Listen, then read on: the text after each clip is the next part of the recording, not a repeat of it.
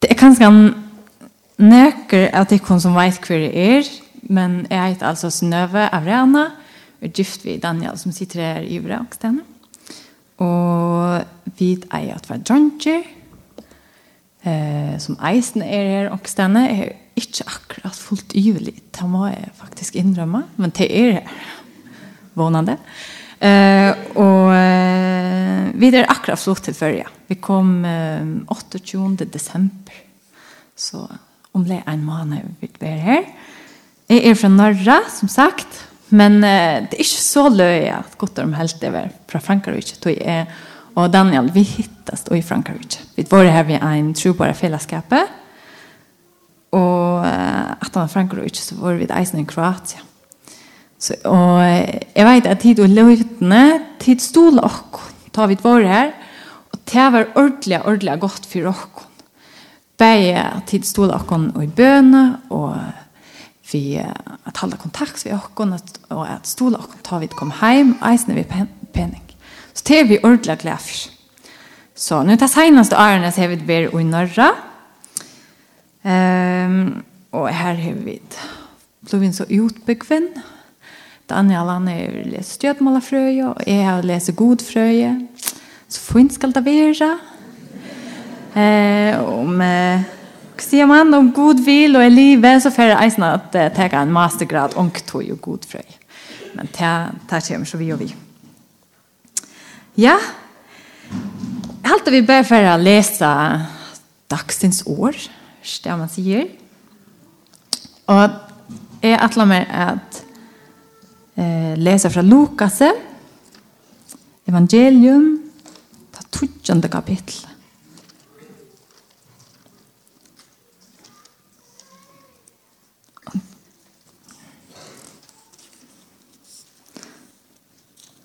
Så Lukas kapittel 2 og jeg kan lese fra vers 8 og 30 til 2 og 4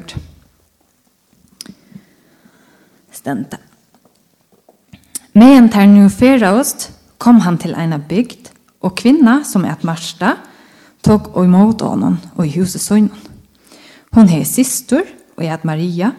Hon sette seg ved føtter herrans at lusta etter tog som han sier. Men Marsta struttest och gjorde sig någon omäck for honom. Hon kom ta iver og sier, Herre, huxa du ikke om det at siste Lät mig være ensamadla om att tjäna det. Sitt hon vi igjen att hon ska hjälpa mig.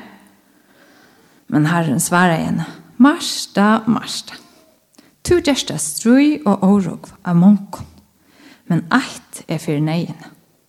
Maria har valgt til goa lot, og han skal ikke være fra henne tidsen. Ja, takk god for at du um, eh, hjelper oss om morgen at lære fra tøyt år. Takk for at tøyt år til er livende. Takk det er innblåst av tog en ande god. Og takk for at du taler til dere hjerter. Amen. Jeg det dette er en serie hva er søv, og det er selvfant det en søv av nekve søv. Tar man hitje er at Bibelen som heilt, så er faktisk med en parsten av Bibelen, til er søv. Det er alltid er ordentlig spennende, og Og eisene tog jeg tidføringer til to, så vel vi søper. Alt det at for, til, er akkurat som en parst at han først skal mentene, at fortelle søper, og du vet.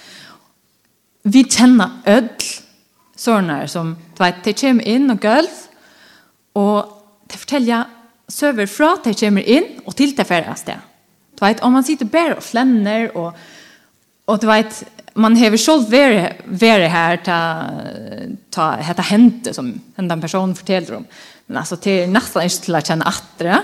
det er at her er veldig jord när vi vi är søvende. Og, og det er jo tog at en søve, det er ikke bare då att en fråga grej om hva hente. Men hon er skipa. Skjønner jeg? Hon er skipa til er ein, ein innleiing, her okkur som henter, det bygges opp en sånn spenning, for sier man det, altså. Det skal være spennende, og så er det gjort. Og, så er, og, og vi søvner og bibelen, så er det et sinter på samme hatt. Det er ikke bare at ja, ja, man skriver at det er nye som hentet, det var et fakta. Ein, hon gikk ut, tvær, jeg kom en annan inn. Det er ikke så leis. Men det som er skrivet der jeg skriver igjen atlan. Her er okkurst ui hendan søvan som skal fram. Tui halte etter ordelig, ordelig spennende at lesa søver. Tui vi nøyest. Vi nøyest at, at uh, tolka. Vi nøyest at liva okkon inn ui det som henter fyrir at skilja hva hun sier til okkon. Tui elsker er søver. Og det som er ved søvna og, i Bibelen, det er jo at det er for, for det første søvnlige.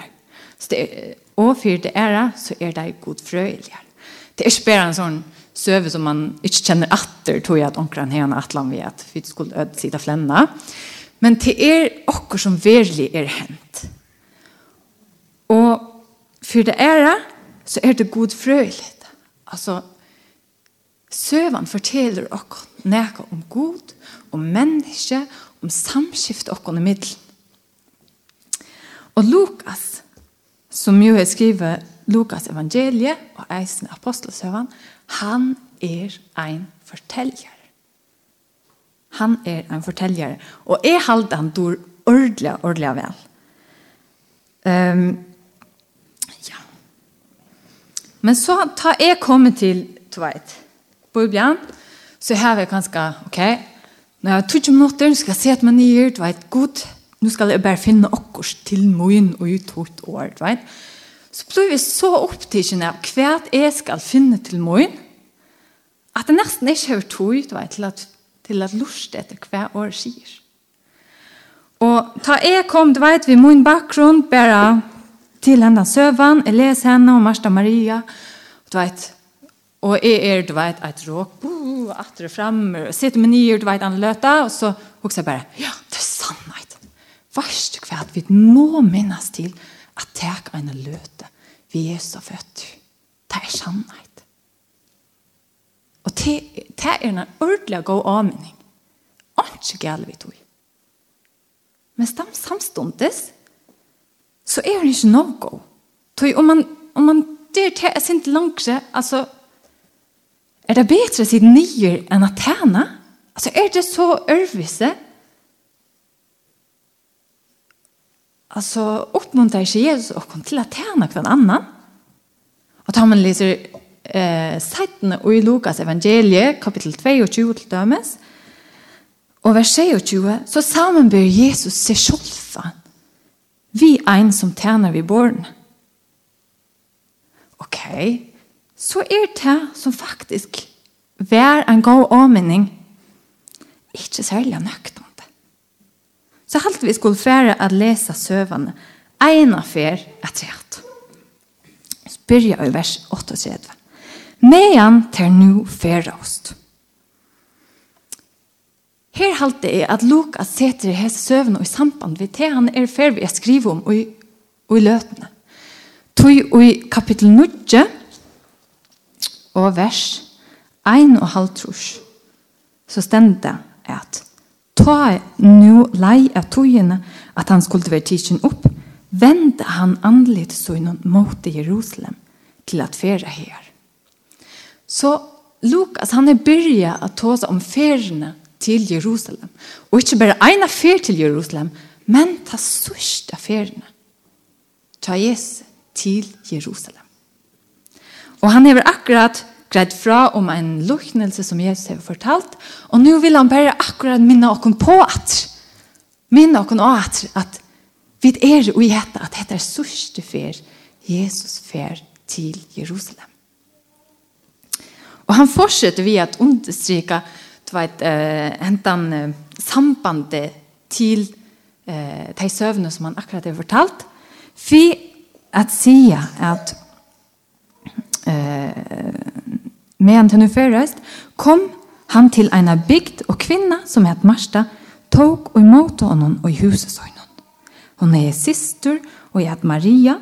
Hon sätter sig vid fötter herrans att lusta efter tog som han säger. Til bänt åren så, han fler, så har Lukas fortalt flere fer om hvordan man teker imot det. Til dømes og i kapittel 9 så hever han fortalt om en bygd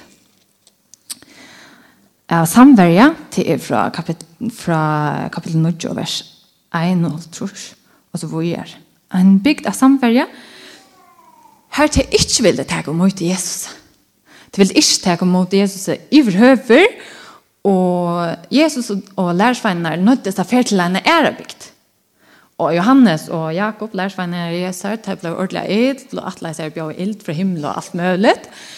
Det ble ikke noe av, Men eh, det får bare til en ærebygd. Så Jesus slipper ikke inn i teire hus. Men Marsta, hun leter Jesus inn i sønne huset. Så tar tega mot, mot Jesus. Og Marsta, som sagt, hon åpner hem sitt för, Jesus og hon ønsker honom velkommen. Og halte er at hennar utgangsdøye til er at tjene. Til at tjene Jesus. Hon sørger sånn heim som et sted her Jesus skulle få kvilt, få mæter. Det er en langfer opp til Jerusalem, så Betania, her som de bor, det ligger beint utan fyr. Så her kunne han få kvilt seg, er han skulle inn til Jerusalem.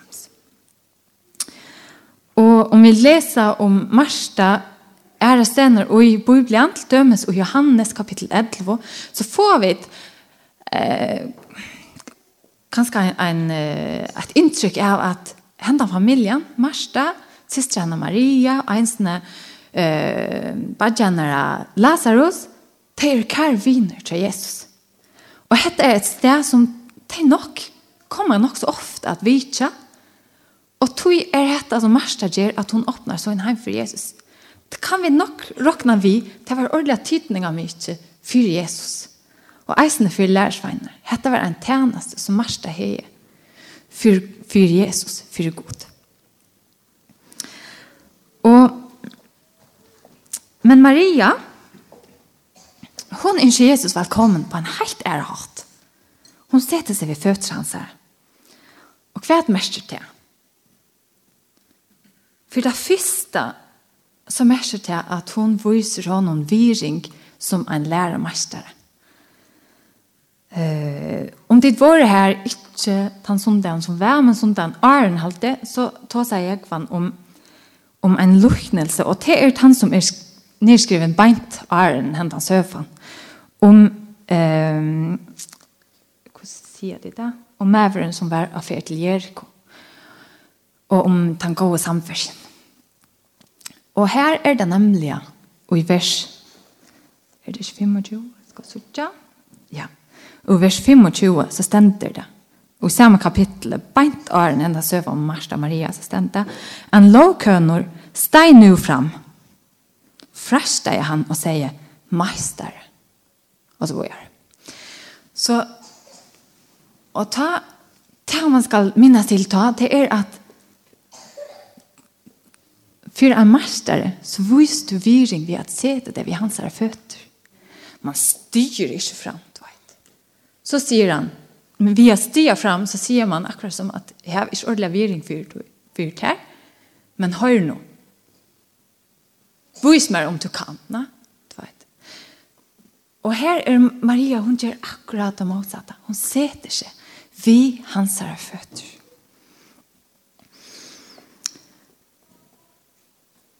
Men det er ikke bare til at hun virer Jesus som lærmeister. Hun teker plass. vi hans er føtter. En så en lærersveiner er gjørste. Og her viser stor måneder i middelen der på systrene. Tog at Marsta, ikke Jesus velkommen, hun, hun gjør det som er bare godt og rett, og det som ligger til henne er leiklod, som ber kvinner over tinnet. Maria her atsemot. Hva skal man si? Ja, her er ikke skila. Tog at hun eier ikke at gjøre dette. Hun eier ikke at sete seg ved Jesu føtter. Det er helt avhoksende. Og hva er det? For det første så bryter hun ved det som var ventet av en kvinne. Henne er leiklåter vær at verste opp mennene ikke et sete seg nye vitt, Eimond. Alls ikke. Det skulle hun ikke. Jeg vet ikke om det kan seg atter. Nei, takk. For det neste, så teker hun som sagt leikloten som lærsveiner. Og til å være og hoksende, to kvinner var ikke godtekner som fullverdige religiøse einstaklinger. Og det har jo selvvante samband vi at og store parster av teira løyve var teir kultisk årein. Så kunne det ikke være nær vi nærke som hever godstannast og gjøre, utan at det først ransa i seg. Så at han har menstruasjon, at han har bandspor, så, så måtte kvinner rensa seg for at være nær, nær nærke som hever vi godstannast og heileika gjøre. Så ta er det i øyelig at det er et avmarska hvordan man kan være opp og i det. Og, og Louise som lærersvein, det er ikke akkurat altså det er ikke høskan for en kvinne ta. Det er så negv, ja. Og det gjør det eisne at hun fikk ikke særlig opplæring og i år gods. Og henne har plass til å være ta og i heimen. Her hun er eh, hva sier jeg? Abyrd. Abyrd for bøttene Og eisen for mat, og det och ikke bare som man säger det altså, att det var avbud för mät till spär att hon skulle ge det över men hon skulle fylle alle disse lovorna som götar när hej mat mätjer. Men Maria hon sitter sig vid fötter Jesu. Och som vi läser vidare att som vi halte av att lese vidare hända i hese sövna så skiljer vi marsta Marta faktiskt kallt att det är rättliga provokerande. Kom läsa. läsa fra vers 4. Men Marsta struttist og gjør det seg nokvann avmæk for henne. Hon kom ta iver og sier, Herre, hoksa du ikke om til at sist let du meg være ensam at la om å tjene til? Si til vi henne at hun skal hjelpe meg. Men Herren svarer henne, Marsta, Marsta, du gjør det strøy og årog av manken. Og alt det er spennende å se at hvordan eh, være greit fra og marstus av tjeneste. Det første vi legger merke til, det er at det stender at hun struddest.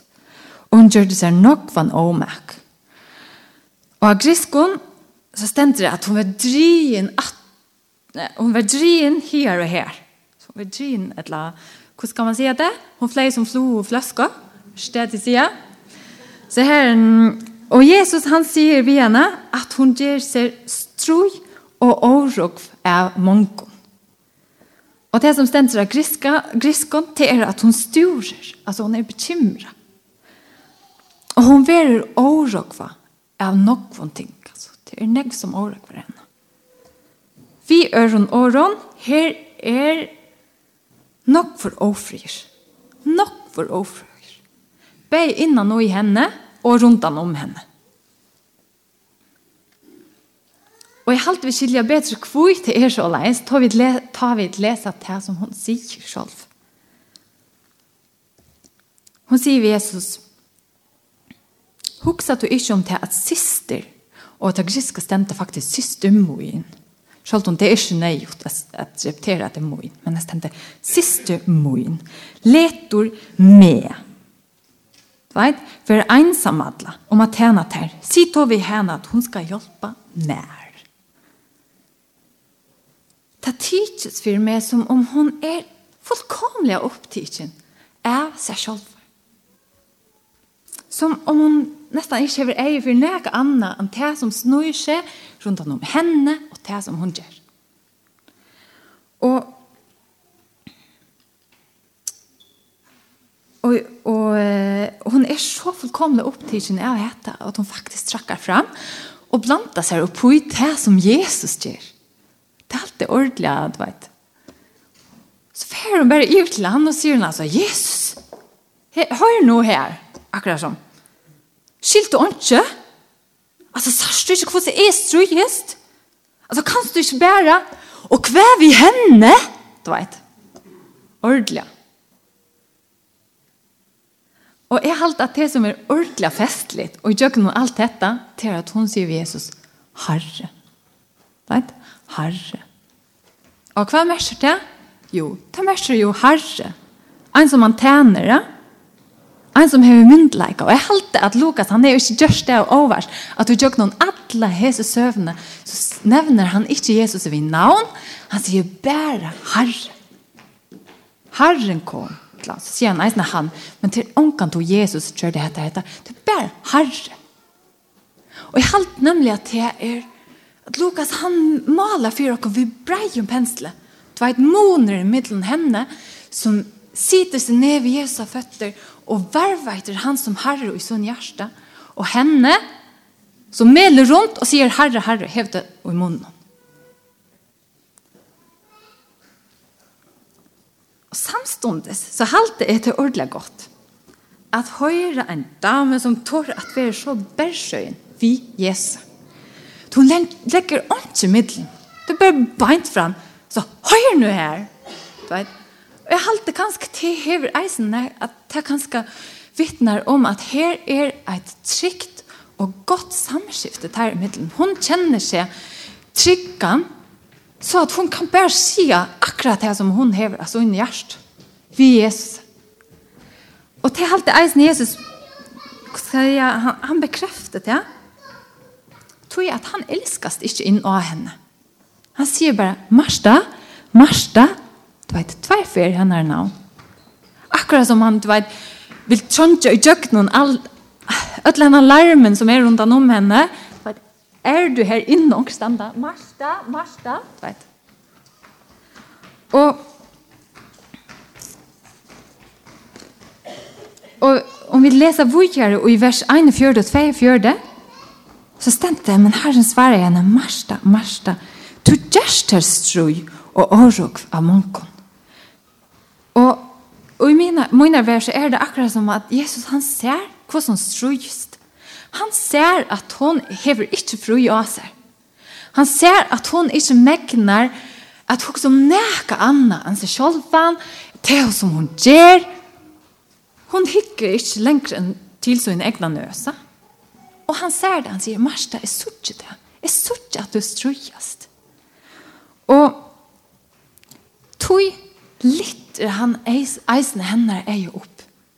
Fra den støven som hun er ui, og han hjelper henne at lytte der og ser. Da han sier, men alt er for nøyene. Marsta, Marsta, gå, glem nå alt dette negv, som oroar der, som oroar der. Eit er for nøyene. Higg at mer, Marsta. Jeg prøv. Røyn, hikk at mer. Du, eit er for nøyene. Og så gjør Jesus nekka så helt alvorlig radikalt. Du han sier, eit er for nøyene. Maria hevur valgt en gåa lot. Og han skal ikkje vera fra henne tidsen. Hva gjør Jesus her? For åkken er ikke jævlig kjelkende, men han verger Marie så vel at være en lærsveiner. Han gjør henne rett til, og vi henne ødel kvinner, at seta seg vi hans er føtter at velja en gåva lot. Og han orla understryker att vi säger at det skal ikke tekas fra henne. Det skal ikke være fra henne tidsen. Og jeg halde at her nærsta vi, vi nega at det som er hjärsta malen til Lukas. Det er å vise hvordan breit evangeliet fevner. Det fevner ødel slø av mennesker. Og det setter ødel slø av mennesken i fralse, og i virlige fralse. Langt vi føring Jesus er. Hva er det som fer at så Jesus? Jo, det er det fatet ikke. Lott, hva sier man det? Lagt møtte hyrene av marskene. Men det er eisene, det er ryke. Hatt virdo, vismennene fra Esterland. Og de var enn ikke jøder. Så jødene held, jødene, de, er helt då at God vær for dem. Han sier frelse vær for det jødiske folk. Men Lukas han viser av beina veien fra da Jesus var født det er for ødel, til eisene for det, de som ikke er jøder. For vismennene ur Estelondon. Og Lukas, han tåser om tådlarar, syndarar, sjøkur, læmin blind og spedølsk, enda ransmann og krossen. Men han tåser eisene om herovaster. Om synagogefyrstøv mann Jairus, Jairus og dattera hans her. Og om vi leser vujar i apostlasøvna, så får vi da vite hvordan evangeliet vil bjåa for Corneliuset, herovaste, eisene for landshøvdingene av Kypern, Sergius Paulus, og landshøvdingen Felix, Agrippa Konje, og ikke at gløyma til fine frøyene og i Thessalonik. Altså til ødelsle av folk, her er ikke marsk for kvosse breit evangeliet fevner. God kunne sette alt, ødel og i frelse. Og Og i hesar søvnene så er det Marsta og Marsto og Mario. Og det som har halte eisen er ordelig skrevet, det er det åndje åndje menn er nevnter utan Jesus. Det er bare Marsto og Mario. Og at alle lærersvanner, alle er helt verere, men Lukas, han er en søvforteljere. Han vet hva han skal fortelle, og hva han skal lete være fortelle om. Tog han hever en avvisen, eh, hva skal man si, en, et endamål, akkurat han vil vise av. Og her er det Marsto og Mario. Så lærdommeren om hva han lærsveinen virkelig er, for fortalt og gjøkken en søve om tver kvinner. Det var sjævlig og sjævlig.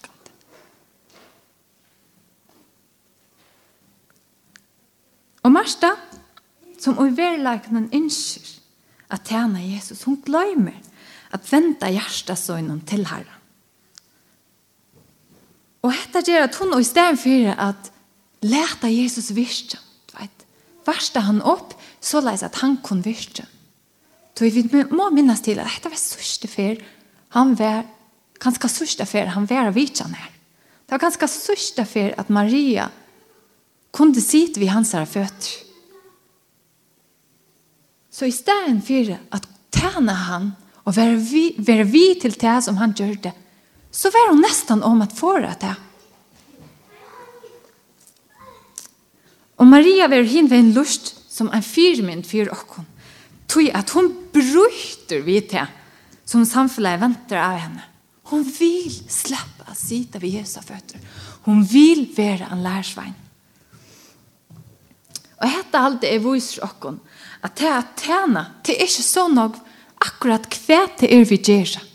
Hva slæ at tjena stå vi heva. Og man er tveit akkurat her som, som ødel huksar at ligger for okkon, eller om det er okkon som bryter vi alt. Men det handlar om en hobord. Det handlar om hvordan vi og hjertan innskjer Jesus velkommen og hvordan vi dyr med han som herre ui okkara loive. Loika ikke hver tjenest okkara er. Ta rever om at venta eina fra okkara strui, okkara tjeneste, okkara løyv, og litta deg opp at Jesus. Hytje at Jesus. Og her, som sagt, for Maria litt fram som en fyrmynd for okkara som atla at fylgje honom, då hon valde hin goa lot. Amen.